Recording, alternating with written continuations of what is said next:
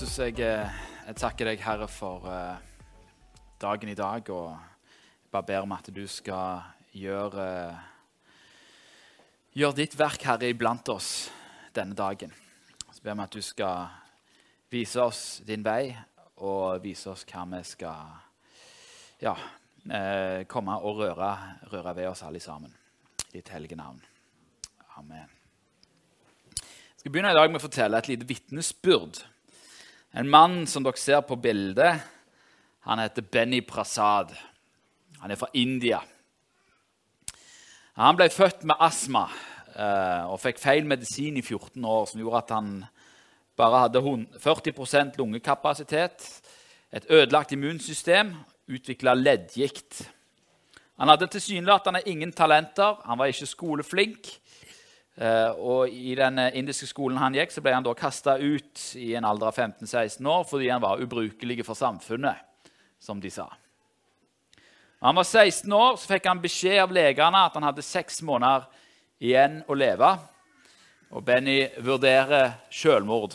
Han kan ingenting, han har ingenting, han har en kropp som ikke fungerer. Alt ser mørkt ut. Så blir han sendt på en kristen leir. Så møter han Jesus, og så sier Jesus til Benny at eh, 'Jeg har bruk for deg'. Men hva kan jeg gi deg? Jeg har bare et ødelagt liv. Jeg kan ingenting. Jeg. Ja. Og så sier, så sier, Jesus at eh, 'Gi meg livet ditt, så skal jeg forvandle deg', selv om det er ødelagt. Det begynner en reise for eh, Benny. Når han blir 19, så så, så begynner han å spille gitar. Og han eh, har da blitt fortalt at han ikke hadde musikalsk talent. Uh, han har blitt kasta ut av gitarundervisninga som 15-åring, men han begynner å spille gitar med leddgikt. Og så, i løpet av en fem-seks måneder, så, så begynner han å bli veldig god å spille gitar. I 2002 så spør han Gud hva skal jeg gjøre med musikken og, og livet. og sånne ting. Da har han spilt gitar i en snart tiårsperiode. Så sier, han at, eh, sier Gud til han at eh, du skal reise med musikken din og med evangeliet til alle verdens land innen 2010. Dette var i 2002. Benny hadde 20 dollar og sa at eh, dette var umulig. Og så sier Gud at Alt er mulig for meg. Og uten å spørre etter penger, uten å ta opp lån, bare med det folk er villige til å gi, så reiser da Benny Prasad rundt i hele verden, til alle verdens land, på kortest mulig tid. Han satte verdensrekord når han eh, da spilte. Han har reist eh, når han når 22.11. reiser inn i Pakistan Det er litt vanskelig for indere å komme inn i Pakistan. Så har han besøkt 245 land, inkludert Antarktis. Satt ny verdensrekord i antall besøkte land på kortest mulig tid. Seks år, seks måneder og 22 dager. Han har spilt i Nord-Korea. Han har spilt på Svalbard. Han har spilt på Sørpolen. Og i alle land som du kan tenke deg, så har han vært. Han har vært på Pitcairn Island midt i Stillehavet og spilt. Og som han sa, Det er jo ikke så mange spor der, så 80% av befolkningen var til stede på hans konsert. Så han er et mirakel. Han er en uh, fortelling om hva, hva Gud kan gjøre med et ødelagt liv. Uh, og uh, hvordan Gud er i stand til å, reise han opp. Når han var ferdig med dette, da, så spurte han Gud hva skal jeg gjøre nå da, når jeg har reist i, i, i sånne ting. Han reiste reis tilbake til det landet der du kom fra, til den byen der du kommer fra. Jobb med mennesker som ikke ønsker å leve lenger. Så det er det han gjør nå. Han begynte også å plukke opp panfløyta. Men han sa men herre, jeg har jo 40% lungekapasitet. Hvordan kan jeg spille panfløyte? Uh, og, men innen da har han liksom skjønt at når Gud sier noe, så må du bare gjøre det. Så han begynte å spille panfløyte. Uh, spurte da Gud uh, Eller var hos en legesjekk, og da viste det seg at han hadde fremdeles astma. Men lungekapasiteten hadde gått fra 40% opp til 95 Så han har vokst eh, etter han begynte å spille panfløyte. Så Gud har et mirakel. Eh, han er en, en mirakelmann på mange, på mange måter. En veldig festlig. Så når da Benny Prasad dukker opp i Oslo en tid etter han har gjort dette her, og sitter i ei stue med Ungdom i oppdrag Det er liksom Ungdom i oppdrag han har reist sammen med. Eh, så, så treffer jeg han. Og da tenkte jeg denne mannen må jeg snakke med. Jeg må snakke litt med Benny Prasad. Når en kristen bror har besøkt alle verdens land, så tenkte jeg at han hadde sikkert noen interessante og unike synspunkter på hva som var utfordringene for de kristne i de forskjellige landene som han hadde besøkt. Så jeg spør han, Benny, hva er den største utfordringen for oss kristne i Norge, sånn som du ser det? Svaret kom fort, direkte, og det var et enstavelsesord. Tid, sa han. Tid er den største utfordringen. Og Siden han svarte så fort og direkte, så tenkte jeg at dette har han tenkt gjennom. Så jeg spurte etter oppfølgingsspørsmål og sa er dette unikt for Norge, dette med tid, eller er det en utfordring i flere land? Så tenker jeg at En av styrkene i den indiske kulturen det er sånne gurusvar. Eh, en guru er jo da en som, eh, denne evnen til å formulere dyp innsikt i veldig enkle setninger. Altså, det mest kjente er jo liksom Gandhi. Hans, Gandhi sa f.eks. at eh, eh, det er Jorda gir nok til å tilfredsstille alle menneskers behov, men ikke alle menneskers grådighet. Eh, og det er en sånn, en sånn one-liner, en sånn punchline. Så, så jeg fikk et gurusvar av Benny Prasad. Det var litt stilig. Han tok med seg den. Eh, og det var jo da Der det er rikdom, er tid den største utfordringen. Altså, Han tok en sammenheng og kobla at der det er rikdom, så er tid den største utfordringen. Da kan vi la den synke litt inn.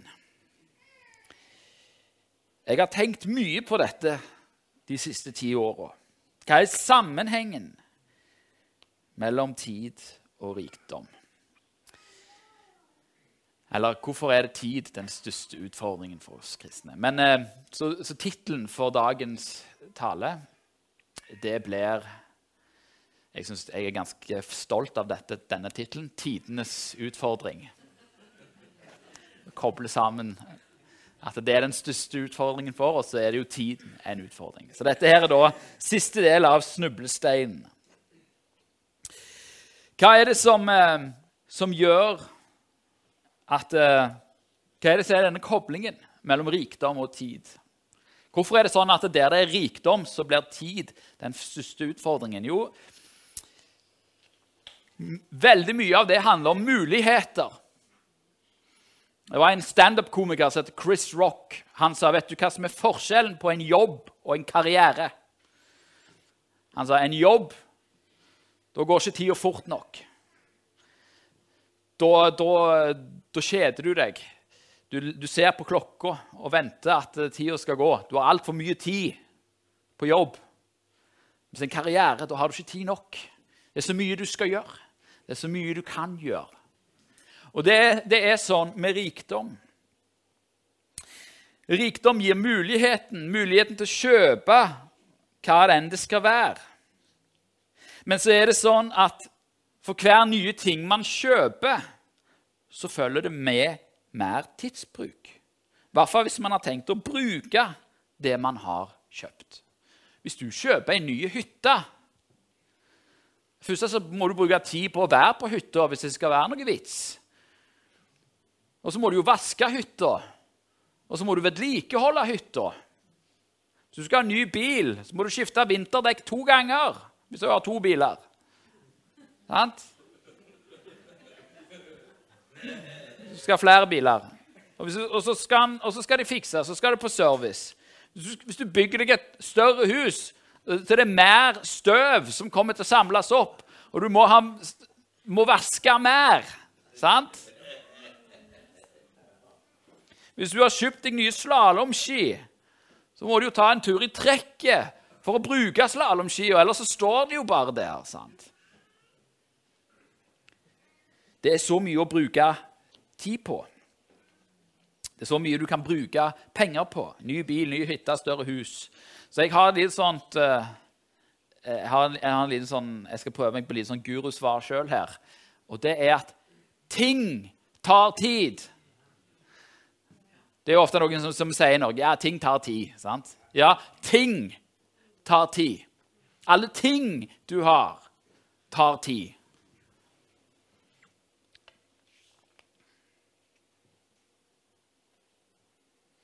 Den delen av Jesu lignelser som kanskje har gjort mest inntrykk på meg opp gjennom åra, og som sitter på en måte i kroppen min, den sitter litt sånn i ryggmargen Hvis det er en av Jesu lignelser som, på en måte, som vi kan utenat, omtrent, så er det lignelsen om såmannen. Og det er spesielt én del av lignelsen om såmannen som jeg har bemerka meg, og det er tornene. Tornene mer enn noe annet beskriver den største utfordring for norsk kristenhet.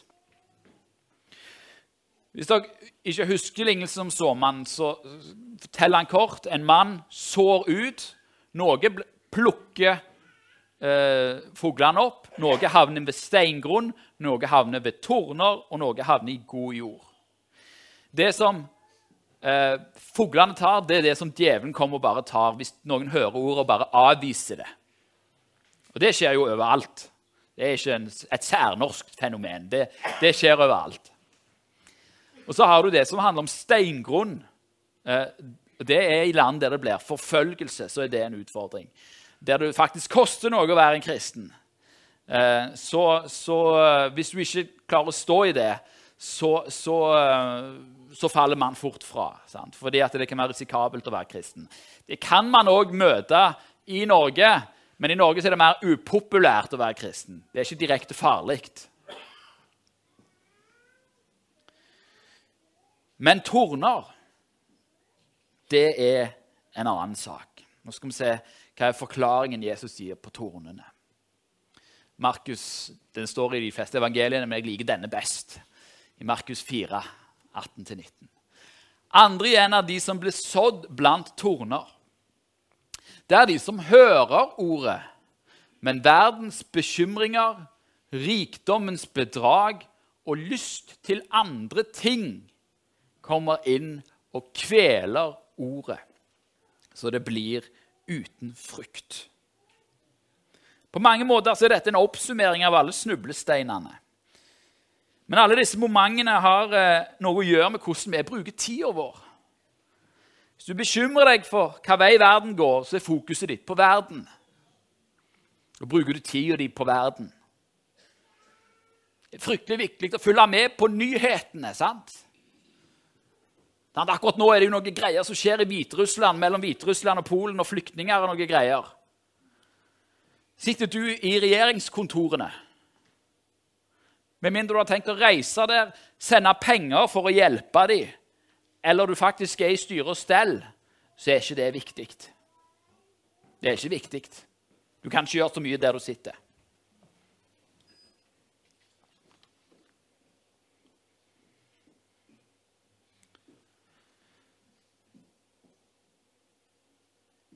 Hvis vi bekymrer oss vei, på hva vei verden går, så er fokuset vårt på verden.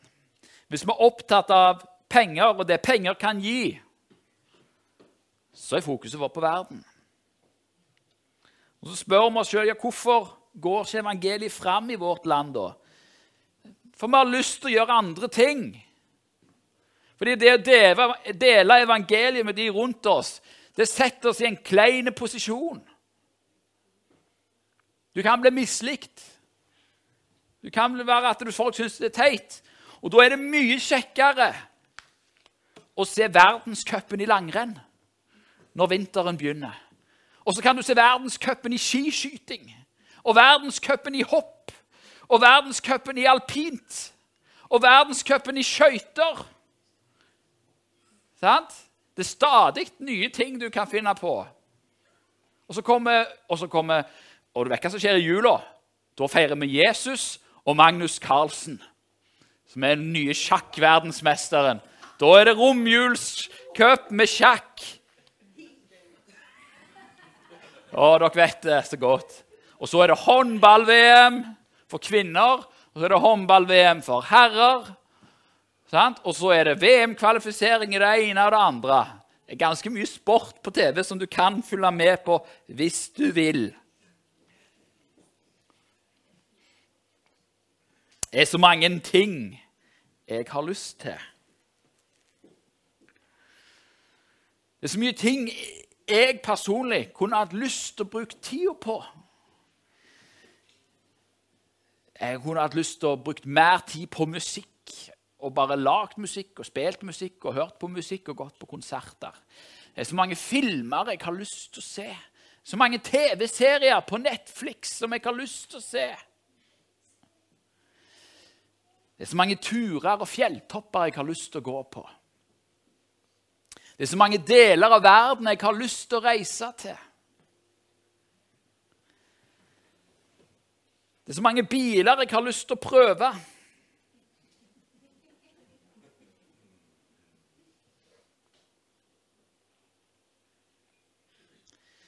Og Det verste er at rikdommen i dette landet på mange måter gir meg muligheten til å gjøre alt det. Til å gjøre så mye av det som jeg kan, og som jeg klarer. Men det kommer ikke uten en pris. Og det er tida mi.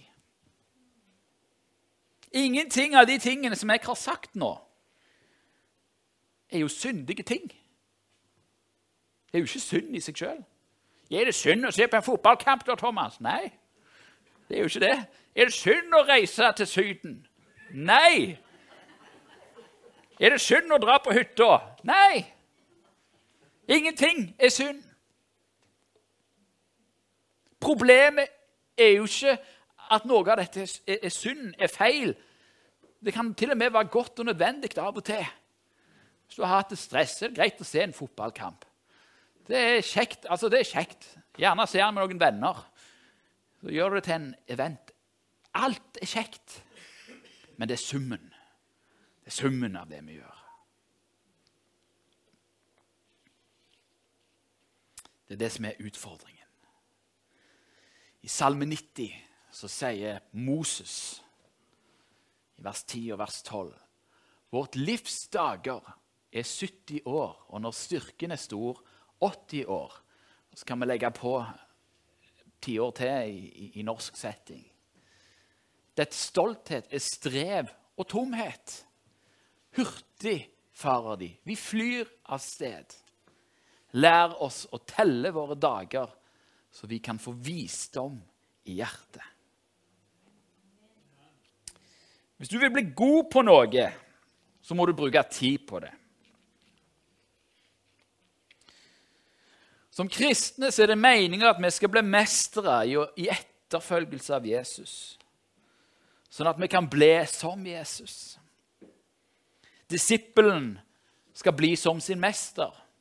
Det er derfor han er en disippel av en mester. Vår mester heter Jesus.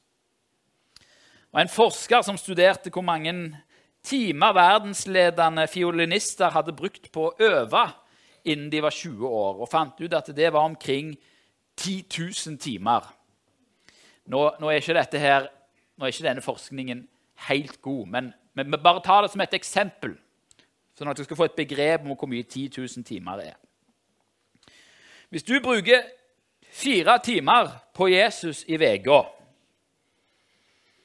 dvs. Si en gudstjeneste på søndag og 20 minutter med bibellesning og bønn hver dag, det er fire timer i uka.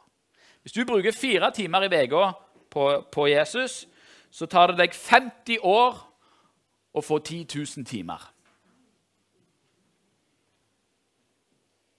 Nå er det vanskelig å lage et system ut av dette, men det kan gi oss en indikasjon på at det vi bruker tida på, det får konsekvenser.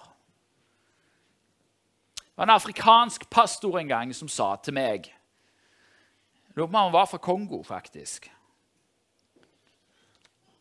Han sa følgende Når dere samles og har kaffeslabberas, har kaffetid,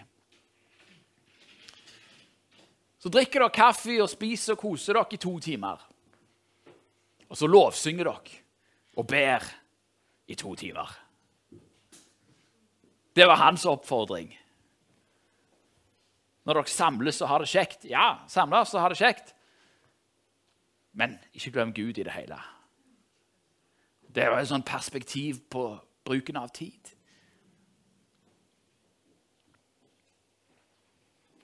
Efeserbrevet 5 sier Se derfor til hvordan dere kan vandre varlig, altså forsiktig, ikke som uvise men som vise, så dere kjøper den laglige tid, for dagene er onde.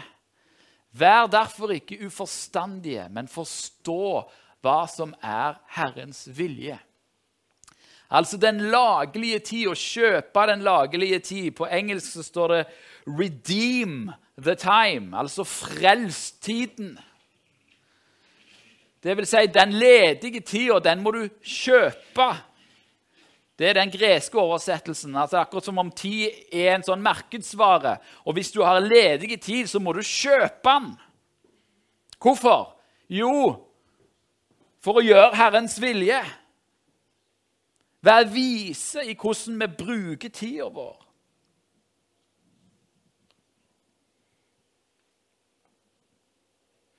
Med dette sier Paulus at han er klar over at dagene er onde. Det kan være at du står i strid, det kan være at du må jobbe masse, og det, det strever, du har familie og alt sånne ting. Vi må streve på denne jorda for å få hjula til å gå rundt. Med den ledige tida du har, kjøp den til å gjøre Guds gode gjerninger her på jorda. Tyven kommer bare for å stjele, myrde og ødelegge. Jeg har kommet for at de skal ha liv og ha overflod. Er det noen som syns det er vanskelig å få tid til Gud i hverdagen sin? Jeg syns det. Jeg er jo pastor. Allikevel kan det være vanskelig. Tyven kommer for, tyven kom for å stjele, og han stjeler det han får tak i. Og det han stjeler mest i vårt samfunn, er tida. Skal vise deg hvordan djevelen stjeler tida.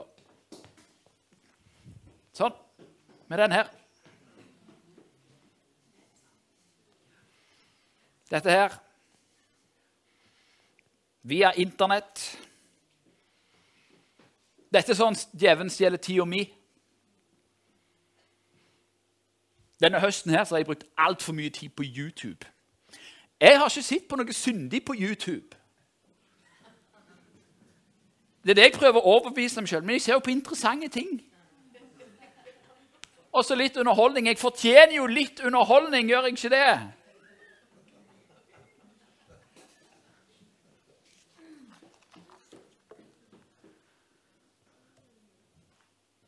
Men når jeg leter etter underholdning i bilen på vei til bønnemøte på Hognestad, i 40-sonen Da sa Herren kan være lurt å legge vekk den mobilen nå. Så jeg eh, har gjort et lite sånn eh, løfte med, med Gud og meg at jeg skal ikke se på YouTube fram til jul i det hele tatt. Etter jeg begynte med det forrige uke, ble det helt fantastisk effektivt. Det er rart, det der. Jeg fått gjort det jeg skulle. Jeg har lov til alt. Jeg skal ikke la noe få makt over meg. Var det ikke det vi sa forrige gang? Det er utfordrende. Det er så mye kjekt å se på. Så mye kjekt Alt som kan ta tid. Hvordan er det med koronautviklingen? Det kan jo ta 25 minutter av dagen din, det.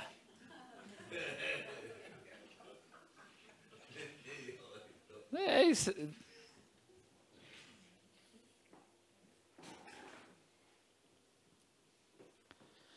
Kolosserbrevet 3, 1-12 sier Er dere reist opp med Kristus, så søk det som er der oppe. Der Kristus sitter ved Guds høyre hånd. La deres sinn være vendt mot det som er der oppe, ikke mot det som er på jorda. Du vet, Det er revnende likegyldig om Norge kommer til VM i fotball eller ikke, i den store sammenhengen. Jeg liker fotball. jeg synes det er kjempekjekt. Spilte fotball i ti år. Husker sist Norge var i mesterskap. Det var kjempekjekt. Men det er ikke viktig i den store sammenhengen. Hva er det som er viktig? Jo, det er om de spillerne på det laget kommer til himmelen. Det er viktig. Om de kommer til tro.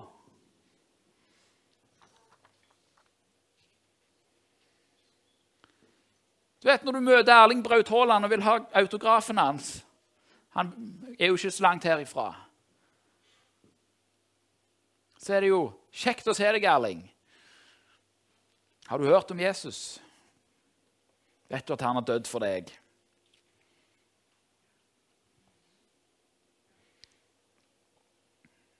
Hva skjer hvis du bruker tida di på Jesus? Hva skjer hvis du sier til Jesus, 'Herre, her er dagen min. Hva vil du at jeg skal gjøre på den?' Hva vil, hva vil du gjøre? Og Så lærer du deg til å lytte til hva han har å si. Og Så gjør du Jesus til herre i livet. Hva skjer da? Hva skjer? Når jeg var 15 år, eller 15, ja, så fikk jeg en bibelleseplan som sa at liksom, ok, nå skal du begynne å lese Bibelen.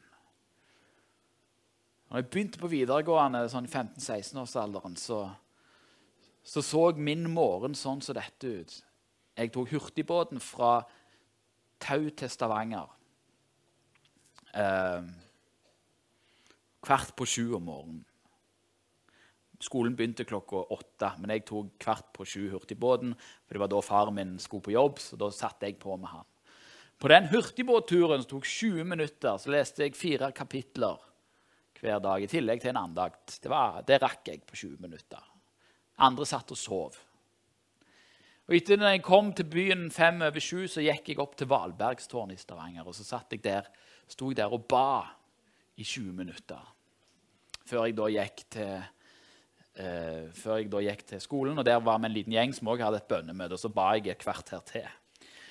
Så jeg hadde én time med bønn og Bibel hver dag fra jeg var 16 og 17 og 18 og 19. Jeg har lest den boka hvert år i 20 år. Hvorfor står jeg her? Hvorfor kan jeg det som står i boka? Nei, jeg har jo lest boka, da. 20 ganger. Og det er først nå jeg begynner å få litt grep på den. Og så gjorde ikke jeg det fordi at jeg skulle vært sånn super. Jeg hadde vel fått banka inn at du må ta tid med Gud, og her er bibelleseplanen, vær så god. Så jeg var pliktoppfyllende, så jeg gjorde det. Jeg, jeg trodde det var sånn det var å være vanlig kristen. Og det er faktisk sånn det er å være vanlige kristne. Det, det er ikke noe spesielt, egentlig. Hvis dette her Hvis dette er livet Hvis Guds ord er liv som kan forvandle liv Jeg har hørt om rusmisbrukere som har fått livet sitt forvandla fordi de leste Det nye testamentet. Det er kraften som er i denne boka. Det er kraften som er i Guds ord. Hvis det Så må man bruke tid på den. Hvis det er sant, så må vi bruke tid i ordet. Vi må bruke tid med Han som har gjort det. Og så betyr ikke det at det er lett, for det er en tidstyv. Hva var det som gjorde at jeg klarte det, da? Jo, jeg banka inn en rutine. Du må banke inn en rutine. Du klarer det ikke uten en rutine. Jeg leste selv om jeg ikke følte for å lese. Jeg, selv, jeg leste selv om jeg ikke fikk noe ut av det. Jeg leste gjennom tredje Mosebok og fjerde Mosebok og første krønikebok og andre krønikebok som de 17 første gangene jeg leste det, var bare dørgende kjedelig. Helt til jeg nå på en måte begynner å forstå noen av disse her sammenhengene mellom det navnet og det navnet og sånn og sånn. og sånn. Men jeg leste det for det om. For det er Guds ord, og det kan fortelle meg noe. Det kan lære meg noe. Om ikke annet lærer det meg tålmodighet. Det er ikke pes å lese pensum når du har lest tredje Mosebok, skal jeg love deg.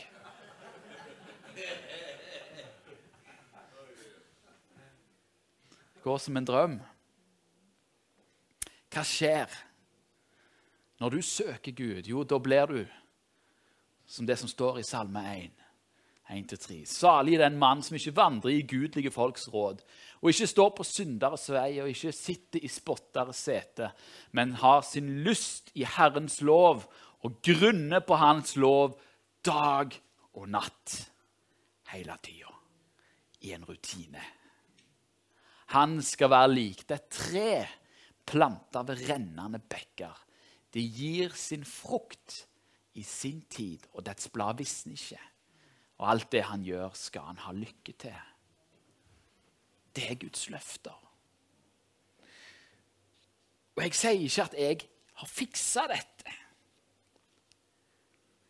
Jeg opplever ikke sjøl at jeg har fiksa det. Det er mye tid jeg har kasta vekk på tull og vas. Til og med dette året. Men jeg har lyst til å bruke tida mi bra.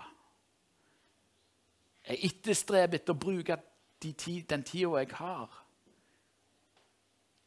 Jeg har brukt noe av tida mi bra. Så ønsker jeg å bruke enda mer av tida mi bra, sånn at jeg kan tjene den Gud som jeg, har, som jeg lever for. Ditt liv her nede på jorda er begrensa. Bruk den til evige formål. Gjør det som er kjekt, for all del. Og Du skal jo ha et arbeid. da. Det er, ingen, altså det er ikke feil å ha glede i det man gjør. Og det er ikke feil i å tjene penger heller. Eller å, å ha ting. Men tenk over hva bruker jeg tida på? Hvor mye bruker jeg tida? Hvordan kan jeg prioritere tida annerledes? Neste uke skal jeg snakke om bønn, og det er en helt annet kapittel. Men det å leve et liv med Gud, det er et dag-for-dag-liv. Det er en dag for dag i Bibelen, det er dag for dag i Guds ord. Det er dag for dag i å snakke med Han. Du skal inn i et forhold, vet du. Det, det hadde ikke blitt mye til forhold hvis jeg brukte 20 minutter med kona hver dag og to timer på søndagen. For noen så er det jo dessverre sånn, da. Hvis du bor langt vekke og, og sånne ting. Men, men, det er jo ikke ideelt. Man vil jo være masse sammen. Bringe hele dager sammen. Det kan du gjøre med Gud òg. Det kan du gjøre med Jesus. Det er ingenting som setter grenser for det. Han er alle steds nærværende. Han kan være med deg i alle ting. Be alltid, til enhver tid, sier Paulus i ånden. Det skal vi snakke mer om neste gang. Men det viser hva som er mulig. Hva som er mulig. Så kan vi be sammen. Kjære Jesus, Herre, vi, vi, takker deg, Herre. Vi vet Jesus, at vår tid her nede er dyrebar. For vi får den jo ikke igjen. Så vi må bruke den tida på noe som er evig, og noe som fungerer. Og noe som gir verdi.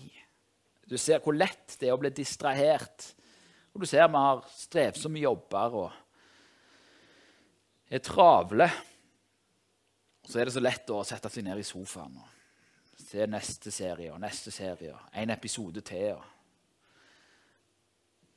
ber om at du, vi skal kunne holde fokuset på deg, Herre. Du, du, din Hellige Ånd går nå iblant oss, og så viser du de tingene der mine brødre og søstre akkurat der de syns utfordringen ligger akkurat den tingen som, som, de kjenner på, Herre, så viser du det.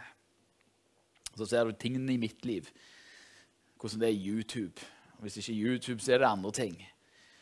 Ber her om at du hjelper meg òg til å gjøre og vandre og bruke tida mi til ditt behag, Jesus. Amen.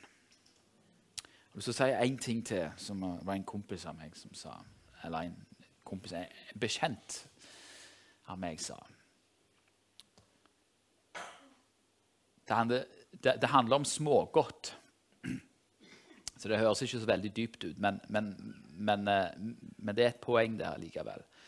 Og du, du, kan på en måte, Det kan handle om smågodt, det kan handle om underholdning, det kan handle om ferie, den gode følelsen. Han, han sa at uh, han, hadde, han, pleide å spise veldig mye smågodt, litt for mye smågodt. Og så hadde han på en måte begynt å gå tilbake til den rutinen med, som han hadde da han var liten. At han spiste smågodt én dag i uka, på lørdagen. Og det som da skjedde, vet du hva som skjedde? Jo, han gleda seg til den dagen. Han, han var avholdende resten av uka, og den dagen det ble så stas å spise smågodt at han ble skikkelig glad av det. Når han ikke hadde den, den begrensningen, så ble han ikke glad av å spise smågodt. Det var bare noe han gjorde. Men når han satte begrensningen, så ga det han glede. Er det ikke sånn hvis det er fest hver dag? Hvis det er helg hver dag Jeg har gått uten jobb en lengre periode. Ja, Da er det jo helg hver dag, men det er jo ikke det. Det er dørgende kjedelig, det er det. Men med en gang du får, er i arbeid, så blir jo helga noe kjekt. Nå skal gjøre noe annet. Da blir det kjekt med en fest. sant? Sånn kan det være med all den underholdningen. Hvis du ser en serie Det kalles å binge en serie. Du ser liksom hele sesongen på én dag, så føler du deg som et vrak etterpå. Det er sånn det er. Jeg, jeg har gjort det, så jeg vet hvordan det føles. Hvis du venter til fredagen med å se neste episode Du ser bare én episode. Så kan du glede deg hele uka til den episoden. Og da, jo, da er jo, det jo det underholdning er til for. Å gi glede. Det er, derfor, det er jo ikke feil med underholdning, men bruk underholdningen for det som han er skapt for å gjøre. For den fungerer bare når du setter begrensninger på den. Det, det er bare da det kan gi glede. Sånn er det med alt, alle de der tidstyvene.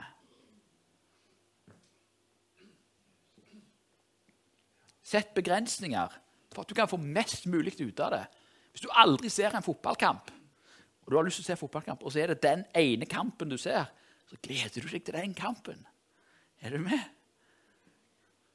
Sett begrensninger for å få større glede i livet, rett og slett.